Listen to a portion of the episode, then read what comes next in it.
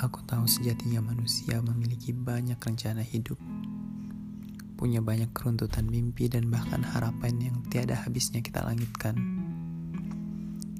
Tapi sampai sedalam mana sih sebenarnya kita itu melibatkan Tuhan di setiap apa yang kita semogakan?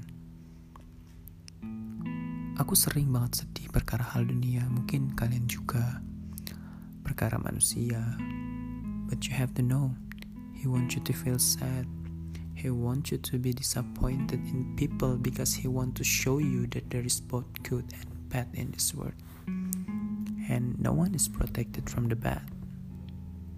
Sedari aku masih main prosotan di sekolah TK pun, guru aku selalu bilang, Allah won't take something away from you without giving something even better.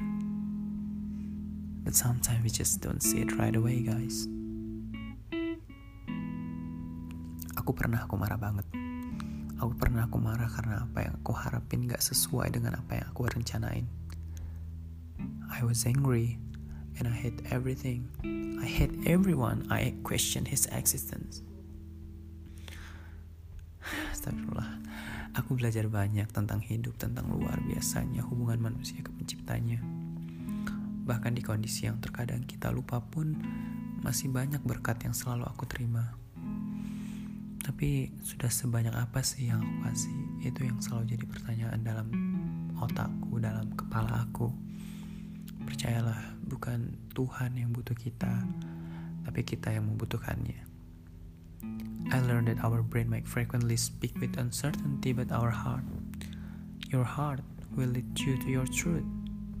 And all we need is belief and patience. It's just that his plan for making you feel better is different.